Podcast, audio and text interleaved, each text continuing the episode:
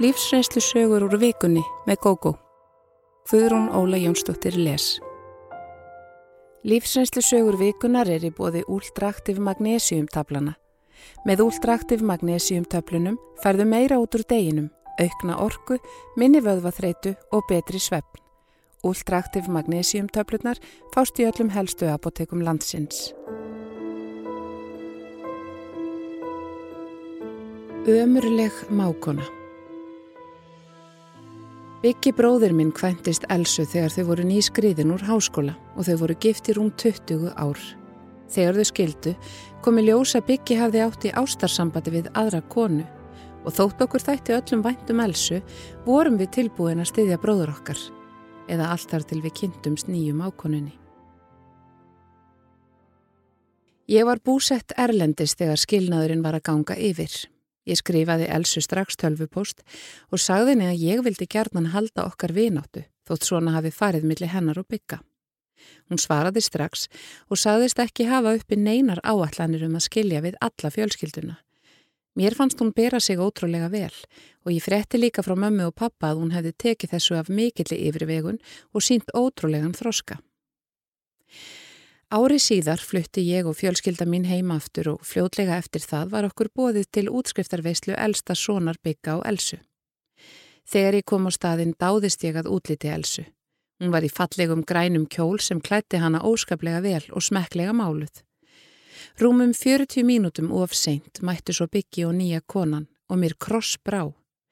Hún var augljóslega um það byrj 10-15 árum yngri en byggi, klæti nýð þröngan flegin kjól með hliðbarðaminstri og máluð eins og gleiðikona. Hún var með sítt slett hár nýður á bak, eða ég komst reyndraði setna að þetta voru hárlengingar, tattu verið á handlegnum og öðru brjóstinu og það var hreinlega kraftaverk að hún skildi geta gengið á skónum sem hún var í. Hæladnir voru öruglega 15 cm háir. Ég viðurkenni að útliti hennar setti af stað allar mínar viðvörunarbjöllur og ég dæmdi hana sannlega strax. En fljótlega komi ljós að svo erki týpa sem ég taldi hann að vera átti við hana og meira til. Hún hjekk á handlegg bygga, horfi á hann stórum augum og flissaði að öllu sem hann sagði. Hún hafði engan áhuga á að tala við konurnar í veislunni en daðraði miskunarlaust við all Karlkins, meira að segja riflega áttræður föðurbróður minn fekk sinn skamt. Hann var verulega vandræðilegur þegar hún kisti hann á skallan og tilkynnt honum að hann væri æðislegt krút. Elsa tók mjög elskulega á móti þessu fyrirverandi viðhaldi og núverandi sambiliskonu mannsins. Hún hins vegar gretti sig og var mjög dónalega á móti. Brátt komað borðhaldi og við fjölskyldan settumst saman við borð. Þegar mamma fór svo að tala um hversu fín og flott Elsa væri í nýja kjólnum, reyti þessi undarlega kona út úr sér. Ói, hún svo kettlingaleg, ég er sko ekki hrætt við að vera falleg. Þá gæti eldri sýstir mín ekki stilt sig og sagði, er það virkilega?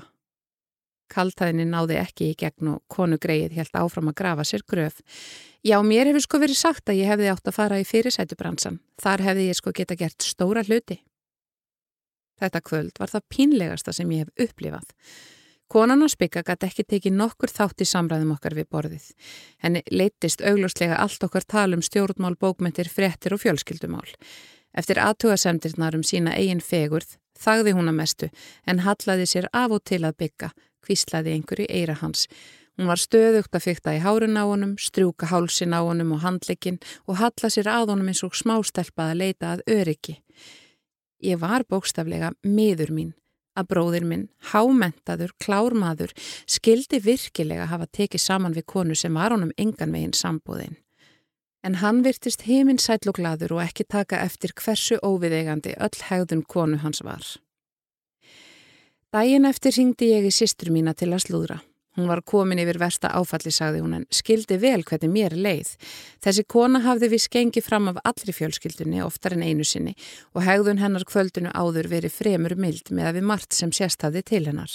Hún hafði meðal annars sagt 76 ára gamalli móður minni að sér fyndist að konur sem væru jafnprökkóttar á hún ættu að fara í lítaðagerð. Hún hafði engan áhuga á börnum bygga og nokkrum sinnum beilinis flutt út og meðan þau voru hjá pappasínum. Hún virtist þó skinja hversu mikils við öll mátum Elsu og talaði illa um hana hvenar sem hún gatt. Þegar enginn í fjölskyldunni vildi taka undir, hafði hún orði reið og að sögn sýstur minnar kallaði hún okkur vondafólkið. Síðan hún tók saman við Bygga hafði hún ekki unnið en eitti mest öllum tíma sínum í búðum. Byggi hafði góðar tekjur en sýstir mín hafði áhyggjur af þessari stjórnlösu eðslu. Maðurinn hennar og Byggi áttu fyrirtæki saman og sýstur minni var alveg hægt að lítast á blikuna. Þau skötu hjúin voru einnig mjög oft í helgarferðum bæði utanlands og úti á landi. Byggi var farin að mæta sjálfnar í vinnuna og sína henni minni áhuga en áður. Ég var ekki hissa á áhyggjum sýstru minnar og kannski hefði ég átt að gefa nýjum ákonunni fleiri tækifæri. Mér var hins vegar nóbóðið og ákvað að ég vildi ekki hafa neinn samskipti við hana umfram það sem ég nöðsynlega þyrti. Það var svo sem ekki eins og hún sættist eftir félagskap mínum.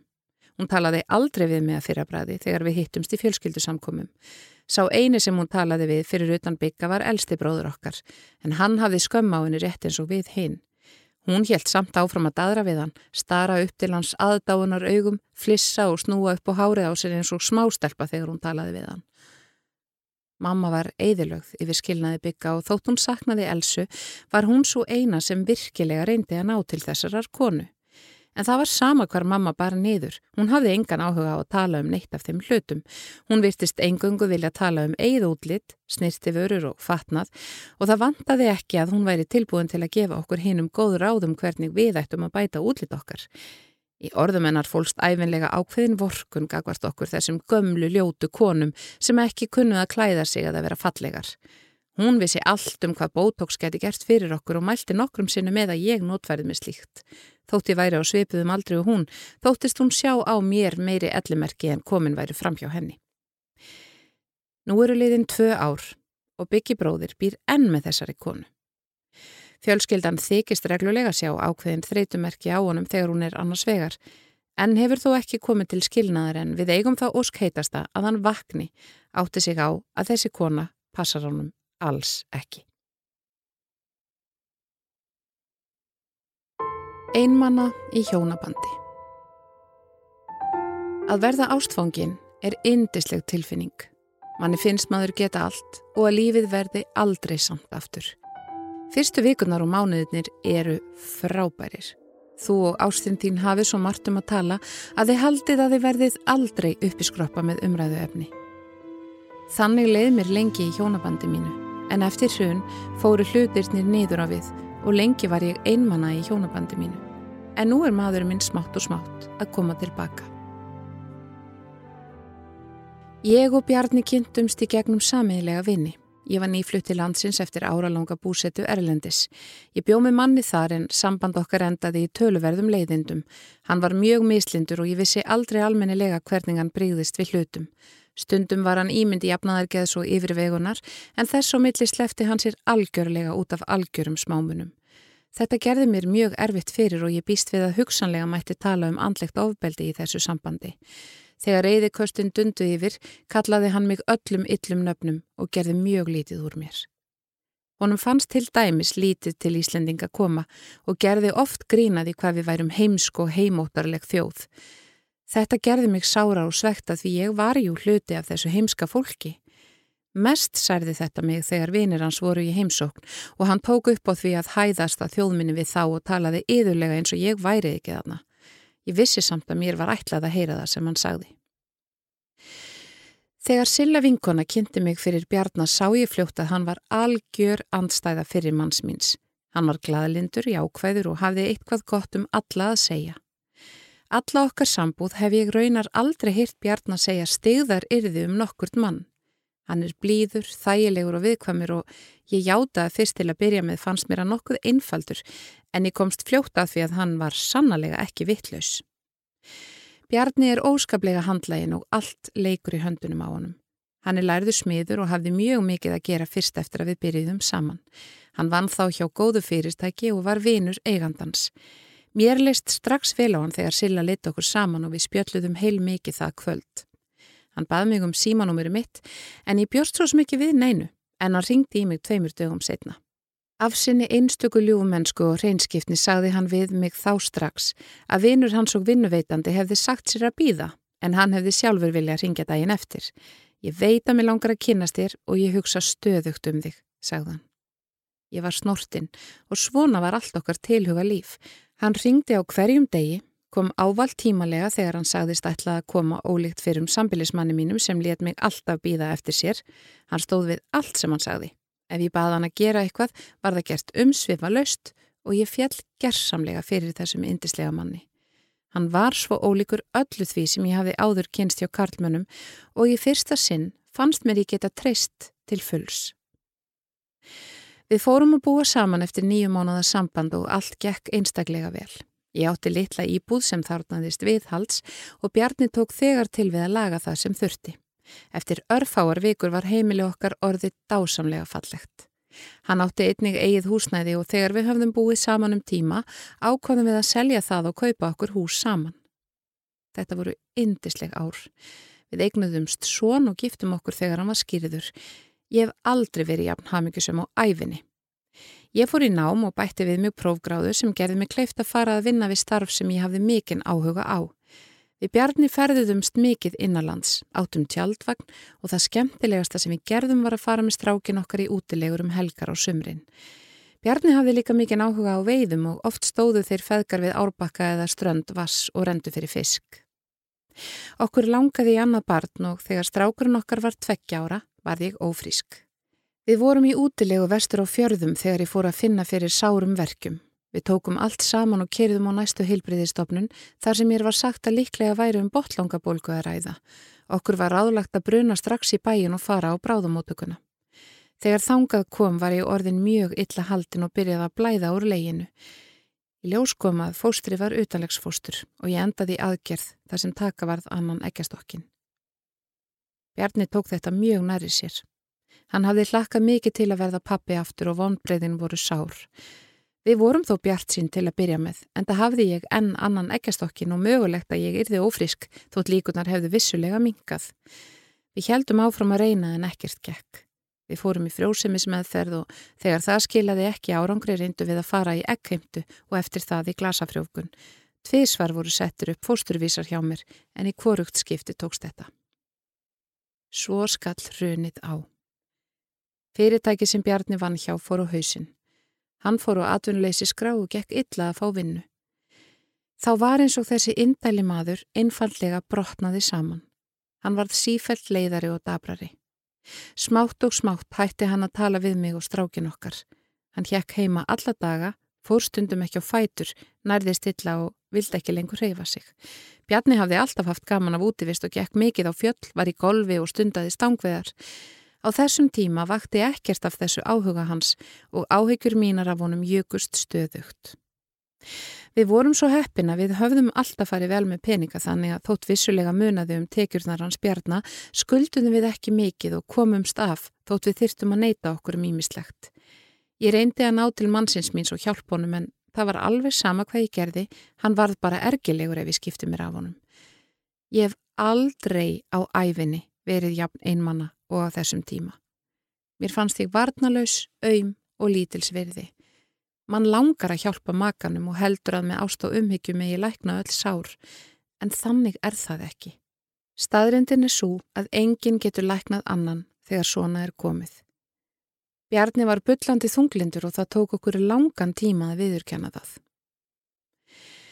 Lóksins áttaði ég mig þó á hvert vandamálið væri. Það gerðist þegar vinkona mín fór að segja mér frá föður sínum sem einnig hafði mist vinnuna og satt heima í þunglindi og vonleysi.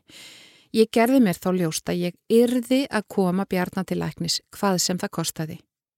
Hann brást mjög illa við til að byrja með þegar ég rætti þetta við hann en einhver staðar í þóku vanlíðaninnar leindist lífsvilji. Þegar sjálfsvíks hugsanir voru farnar að sækja á hann var þann hrættur og samþykti að fara til læknis.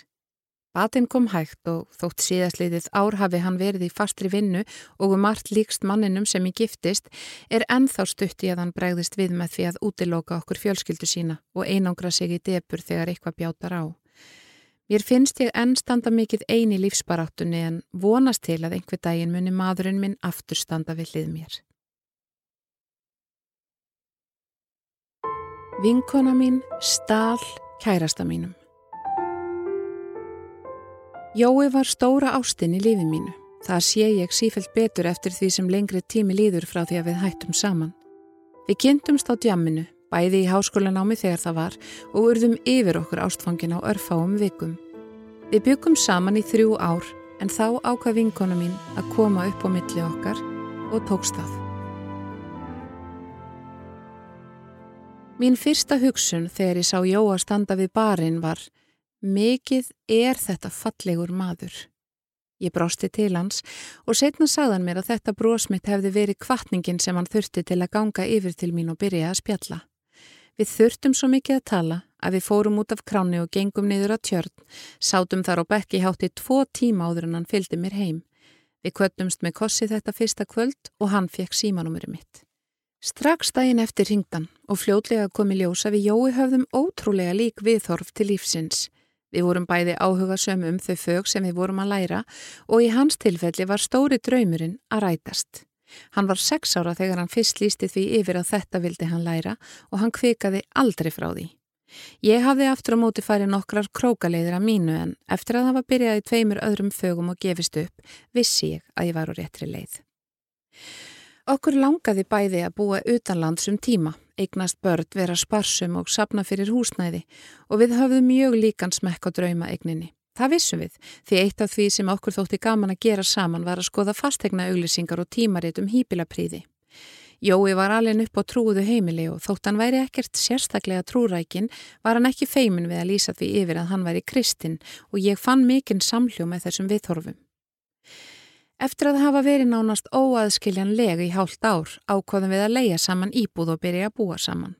Minningin um mánuðina þegar við vorum að setja saman heimili okkar eru þær bestu sem ég á. Oft og yðurlega rifja ég þessa tíma upp í huganum þegar mér líður illa og þá byrtir alltaf yfir mér. Jói var einstaklega laghendur og við fengum gefin skumil húsgögn sem honum tókst að gera ótrúlega falleg. Hann hafði líka gott auga fyrir möguleikum á að breyta og bæta og ótirann hátt. Að hluta hafði hann alist upp hjá afa sínum og ömmu en þau voru mjög sparsum og útsjónarsum og Jói hafði margt af þeim lært. Fljótlega var litla íbúðin okkar orðin óskaplega notaleg og vinir okkar söpnuðist oft saman hjá okkur á kvöldin. Þá var margt rætt, mikið leið en þess og milli leiði við sjónvastáttaröðum eða unnið að skólaverkefnum. Við vorum mjög félagslyndað eðlisfaris og þetta var einmitt eins og við vildum hafa það. Jói útskrifaðist ári á undan mér og fekk fljótt góða vinnu. Ég var að vinna að meistaraverkefninu mínu þegar Hildur vinkona flutti aftur til landsins eftir nokkura ára búsetu úti. Við höfðum verið saman í grunnskóla og mentaskóla og verið mjög nánar vinkonur á þeim árum. Hún var hluti af stelpuklíku sem ég tilherði. Þegar Hildur flutti heim var hún í skilin og mjög svegt og bitur út í mannin sinn fyrfirandi og leitaði mikið til mín. Mér fann sjálfsagt að hjálpinu og hlustaði á hann að rekja aftur og aftur grimd eiginmannsins fram í eldúsi meðan félagar okkar í óaspjalluði í stofunni. Mjög margir komið til mín og vöruðu mig við þessu sambandi við Hildi. Þeir bendu mér á að ég væri meðvirk með henni, leifðan að hafa ofumikil áhrif á líf mitt og að allir aðrir væri búinir að fá nóa af henni. Engin af gömlu vinkonunum netti orðið að hafa samskipti við hana. En ég hlustaði ekki á þetta. Í mínum huga var þetta vinkona mín að ganga í gegnum erfiðar hluti og ég væri engin vinur ef ég hjálpaði ekki. Hún saði mér margar ljóta sögur að fyrir manni sínum og eigingirni hans. Ég var þó vöna að segja henn á móti frá því hversu dásamlegur Jói væri, hlýr, indæl, hjálpsamur og skemmtilegur. Þetta átti heldur betur eftir að koma mér í koll. Ég hafði mikið að gera eftir áramót þennan vetur. Meistaraverkefni reyndist meira krefjandi en ég hafi gert ráð fyrir og oft þurfti ég að setja fram eftir kvöldi og vinna til að geta haldið áallun. Þegar ég kom loks heim var Hildur oftar og tali við Jóa. Til að byrja með held ég bara að hún hefði komið að hitta mig og ekki átta sig á að ég væri ekki komin heim. En þegar þetta gerðist aftur og aftur fór ég að velta fyrir mér hvað gengi eiginlega á. Ég ákveði að ganga hreint til verks og spyrja Hildi beint út. Hildur lest verða óskaplega sár þegar ég spurðana hvers vegna hún kæmi og heimsækti kærastan minn þegar ég væri ekki heima. Hún saðist auðvita verið að koma til mín en hún væri einmanna og þætti því gott að setja að spjalli við Jóa svo litla stund áður en hún færi heim. Ég trúðan ekki. Það var eitthvað við það hvernig hún talaði sem hringdi ótal viðvörunabjöllum hjá mér. Ég spurði Jóa hvað hann finnist um þetta og af sínu venjulega jafnaðargeði saði hann að sér væri alveg sama. Ég get ekki sagt að ég hafi verið áhyggjufull. Ég treysti Jóa fullkomlega og var alveg vissum að hann myndi aldrei svíkja mig en mér fannst þetta smekklust af hildi og gera aðstæður mjög vandræðilegar. Ég talaði um þetta við mína bestu vinkonu og við vorum sammála um að ég þyrsti að taka fyrir þetta á mjög ákveðin hátt. Það yrði þá bara að hafa það ef Hildur yrði svo móðguð að hún fengist ekki til að tala við mjög meira. Næsta kvöld ætlaði ég að taka stóra skrefið og reka Hildi útrú lífi okkar í eitt skipti fyrir öll. Ég flýtti mér því að ljúka öllu sem ég þurfti að gera fyrir daginn og var komin heim mun fyrir en venjulega. Ég opnaði dyrnar á íbúðin og gekk rakleitt inn í stofu. Þar sátu Jói og Hildur í faðmlegum á sófanum. Ég tók andan á lofti, snerist á hæl og gekk beint út aftur. Ég fór heim til pappa og mömmu og brotnaði gerðsamlega niður. Næstu daga lág ég fyrir og greitt heilu og halvu dagana. Ég vonaði í fyrstu að Jói myndi hafa samband en hann gerði það aldrei. Það endaði með því að ég tók mér saman í andlitinu og fór til hans til að gera upp okkar mál. Hann tók að móti mér, vandraðalegur og leiður, sagðist vera ástfangin af hildi. Þetta hefði ekki átt að gerast en svona væri málum komið. Við gengum frá okkar búskiptum sem voru mjög einföld á nokkrum dögum. Hildur og Jói fóru fljótlega að búa saman en samband þeirra endist bara nokkra mánuði. Eftir sambandslitin kom Jói aftur til mín og vildi reyna að laga hlutina. Hann sagði að Hildur hefði bókstaflega setið um sig og ætlað sér hann frá upphafi. Ég trúði því alveg, en gat ekki á því augnabliki hugsa mér að taka saman við hann aftur. Nú er það orðið ofseint og ég sé mjög mikið eftir að það hafi ekki aðtöðað hvort við getum lagað þetta, en enn meira sé ég eftir að hafa tekið á móti Hildi inn á heimilið. Við bræðurnir skuldum vegna foreldra okkar. Ég er elstur þryggja bræðra. Pappi hafði mikinn áhuga á öllum vélum og smitaði okkur af dellunni. Allt frá því ég var fjögur ára gamal hef ég gert því hjól, bíla, vélsleða og fleiri græjur. Um fermingu hétt ég því að kaupa mér bíl strax og ég fengi bílpróf. Þegar að því kom, fekk ég leiði fórildra minna til þess og mamma skrifaði upp á lán fyrir mig. Það var uppafið að ógjafi minni og bræðra minna. Bílskurinn heima var alltaf fullur af alls konar dóti. Pappi gerði upp ótal mótorhjól fyrir vini og kunningja og hann var alltaf með einhverja bíla í viðgerð. Pappi var algerlega sjálflærður en hafði alltaf langað að læra beðjelavirkjun eða eitthvað því výjumlikt. Hann kvatti okkur þess vegna til þess að læra.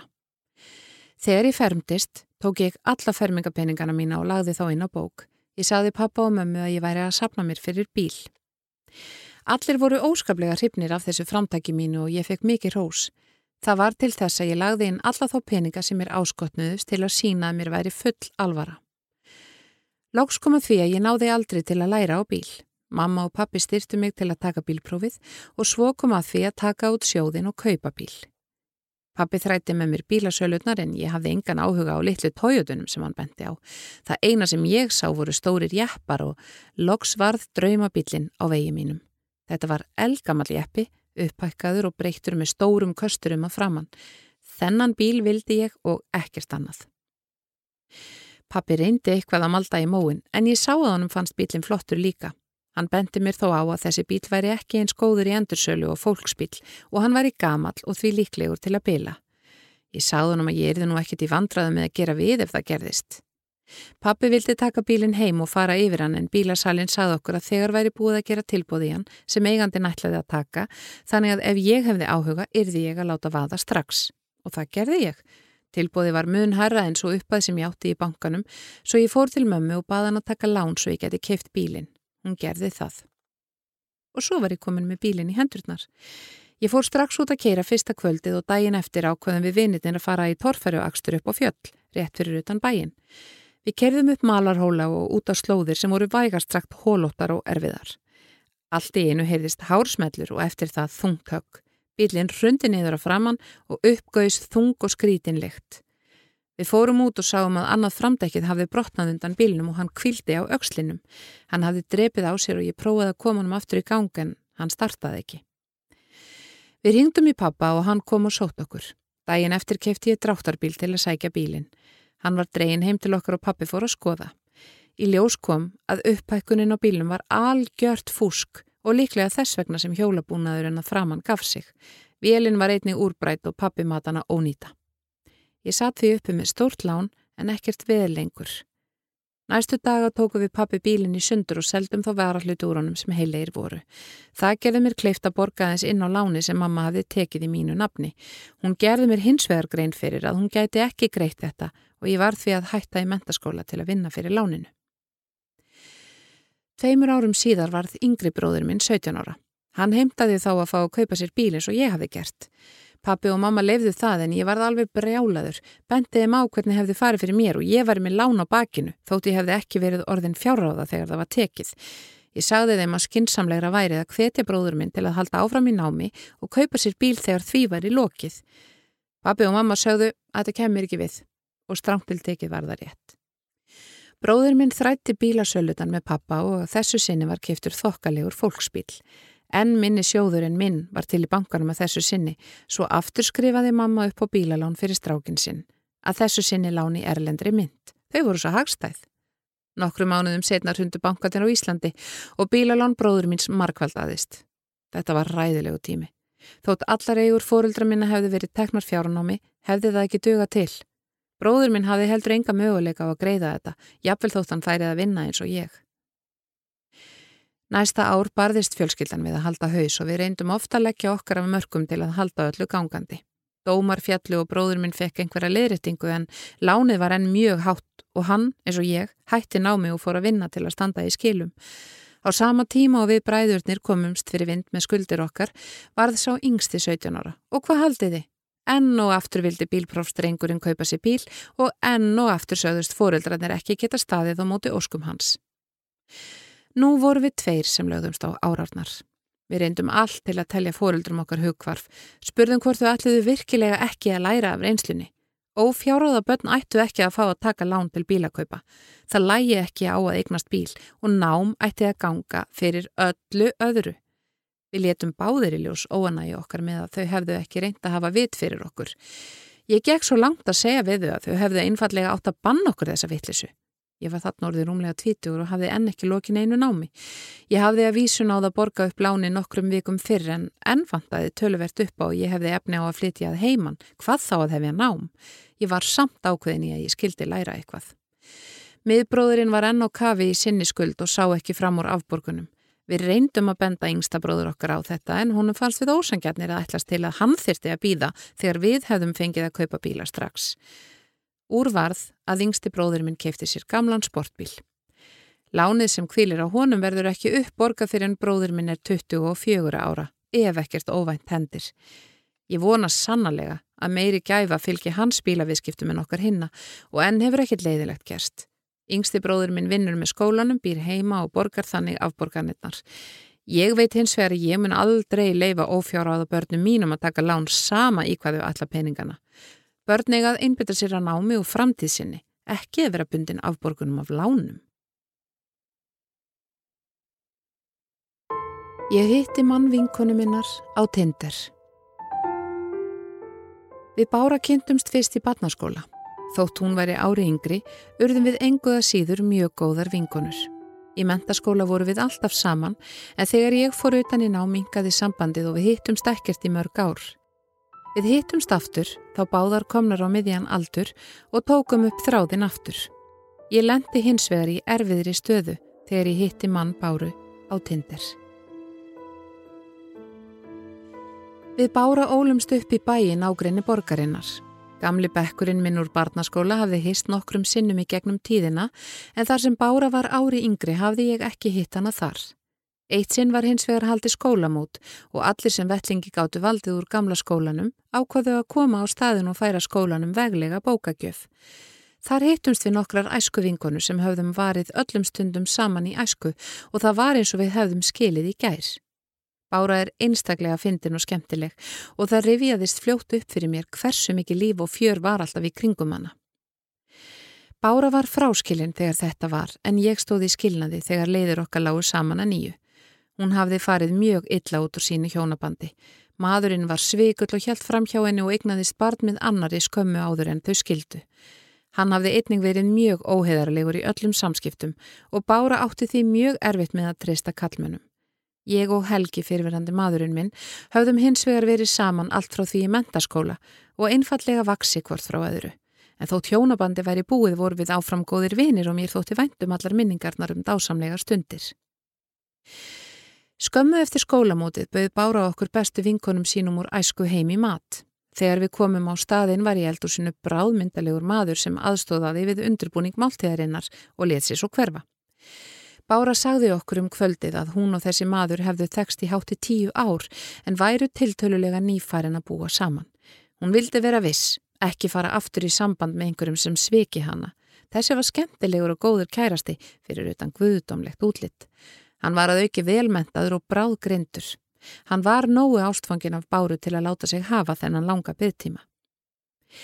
Ég sá mannin bara rétt í svip en hinnar voru komnar á undan mér og höfðu töluvert spjalla við hann. Þær spurðu báru mikið og átt ekki orði yfir hversu frábær hann væri og dásamlegur. Þegar í ljóskoma maturinn var æðislegur bættist það á lista yfir kosti mannsins. Þetta var upphafið að því að við stelpunar hittumst af og til í mat, ímist heima hjá hver annari eða á veitingahúsi. Þótt þessir fundir væru um það byrj fjóri til fimm á ári, hittist samt þannig á að þegar við komum til báru var sambilismadurinn aldrei heima. Tveimur árum setna var ég enn einleip og ákvaða að prófa tindir fyrir áegjan vinnufélaga. Þar hitti ég og spjallaði við einstaklega viðkunnalegan mann. Ég spurði hann hvort hann væri ný skilin. Mér fannst hann eitthvað þess legur og hann sagði bara já en letingar frekari útskýringar fylgja. Þegar ég kíkti á fjersbókarsíðuna hann sá ég að við áttum nokkra sameigilega vini, þar og meðal báru, sem hann var reynda skráðir í sambúð með. Þetta var góði, tryggi, trausti og frábæri maðurinn hennar. Það var mér mikill áfall að sjá að þau væri skilin því ég hafði alltaf óskað báru allsins besta, engum vegna þess að hún hafði stundum og fundum okkar sagt okkur undan og ofan af því sem hún uppliði í hjónabandinu. Fyrirverandi maðurinn hennar hafði haldið framhjá nánast frá fyrstu tíð og einni logið til um stöðu fjármála þeirra, ekki sagt satt um ímis við hvað málu tengdust fjölskyldu hans og allt sem hann lofaði við skilna þeirra sveikan. Meðal annars skuldaði hann ofinbyrg gjöld sem Bára var ábyrg fyrir eftir skilnaðin. Hann lofaði að ganga frá því en gerði ekki. Bára máttu því engar eignir eiga í nokkur ára eftir skilnaðin.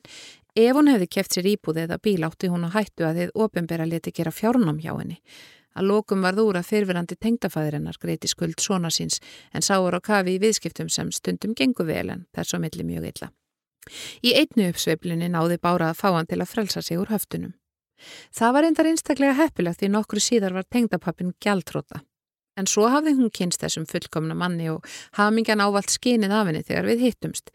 Reyndar töluðum við lítið um hann eða aðra kallmenn. Við vorum of uppteknar við að tala um áhugamálinn, börnin okkar og rifja upp gamlar minningar. Ég vissi að menn ljúastundum til um stöðu sambanda sinna svo ég ákvað til öryggis að tala við samiðilega vinkonu úr hópnum. Ég vildi vera vissum að ég væri ekki að eidilegja neitt áður en ég talaði meira við hann. Mér fannst hins vegar óþægilegt að ganga reynd til verks og í stað þess að spyrja hvort Bára væri skilin spurði ég hvort ekki væri allt gott að fretta af henni. Jú, vinkonan hjælt það nú, allt mjög gott. Hún væri á leiði helgarfætt til London með sambilismannunum fljótlega. Hann hefði bóðið henn upp úr þurru og Bára hlakkaði gífulega mikið til. Hún hefði aldrei haft ráða á að ferðast mikið og þetta væri aðeins í annað skipti sem hún kemur til London. Þau væri búin að panta romantískan kvöldverð og frábærum veitingastað og hóteli væri rétt við fallegan blómakar sem Bára hlakkaði mikið til að skoða. Þessi gamla vinkonu okkar átti valla orð yfir hversu gott samband þeirra væri og hver heppin hún bára hefði verið að hitta þennan dásamlega mann. Ég átti mikilli innri baróttu eftir þetta. Átti ég að segja frá eða átti ég að þeia? Ég velti þessu lengi fyrir mér en ákvaða lókum að þeia. Ég talaði ekki aftur við sambilismann hennar og tindir, ég eitt honum út. Mér langar ekki að gera allt vittlist hjá þeim. Kanski er samband þeirra opið, þótt ég vist reynda stórlega um það og Kanski var hann bara eitthvað að leika sér og engi leið að segja hvort þetta hefði enda með framhjóhaldi.